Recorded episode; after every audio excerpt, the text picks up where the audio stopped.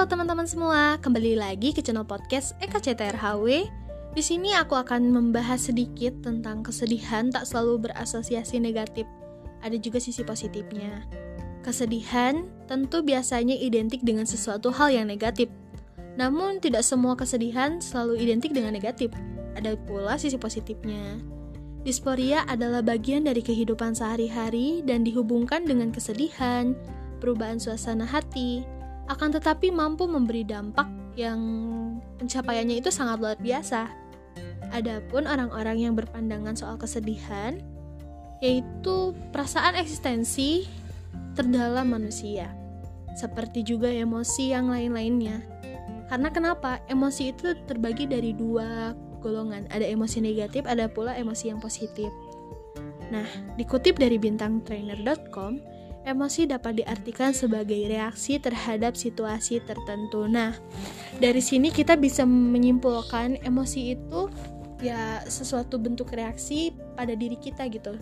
Entah kalian sedang mengalami kesedihan sangat luar biasa, contohnya kalian kehilangan seseorang yang kalian sayang, tentu kalian akan mengeluarkan reaksi yang sangat kesedihan ataupun kalian merenung, kalian merasa kalian telah benar-benar hancur gitu, patah hati, itu merupakan emosi-emosi yang negatif. Namun, emosi positif itu seperti ini. Kalian mendapatkan berita yang sangat luar biasa dan kalian tuh merasa bangga gitu. Itu adalah salah satu bentuk, salah satu bentuk emosi kalian gitu. Jadi, teman-teman, di sini kita sama-sama harus bisa saling menghargai, sama-sama saling mensupport teman kita. Jangan sampai kita mungkin kita bisa melihat hal-hal yang sedang dialami teman kita itu sepele. Jangan sampai kalian berpikiran seperti itu karena belum tentu hal itu sepele bagi dia gitu yang mengalaminya.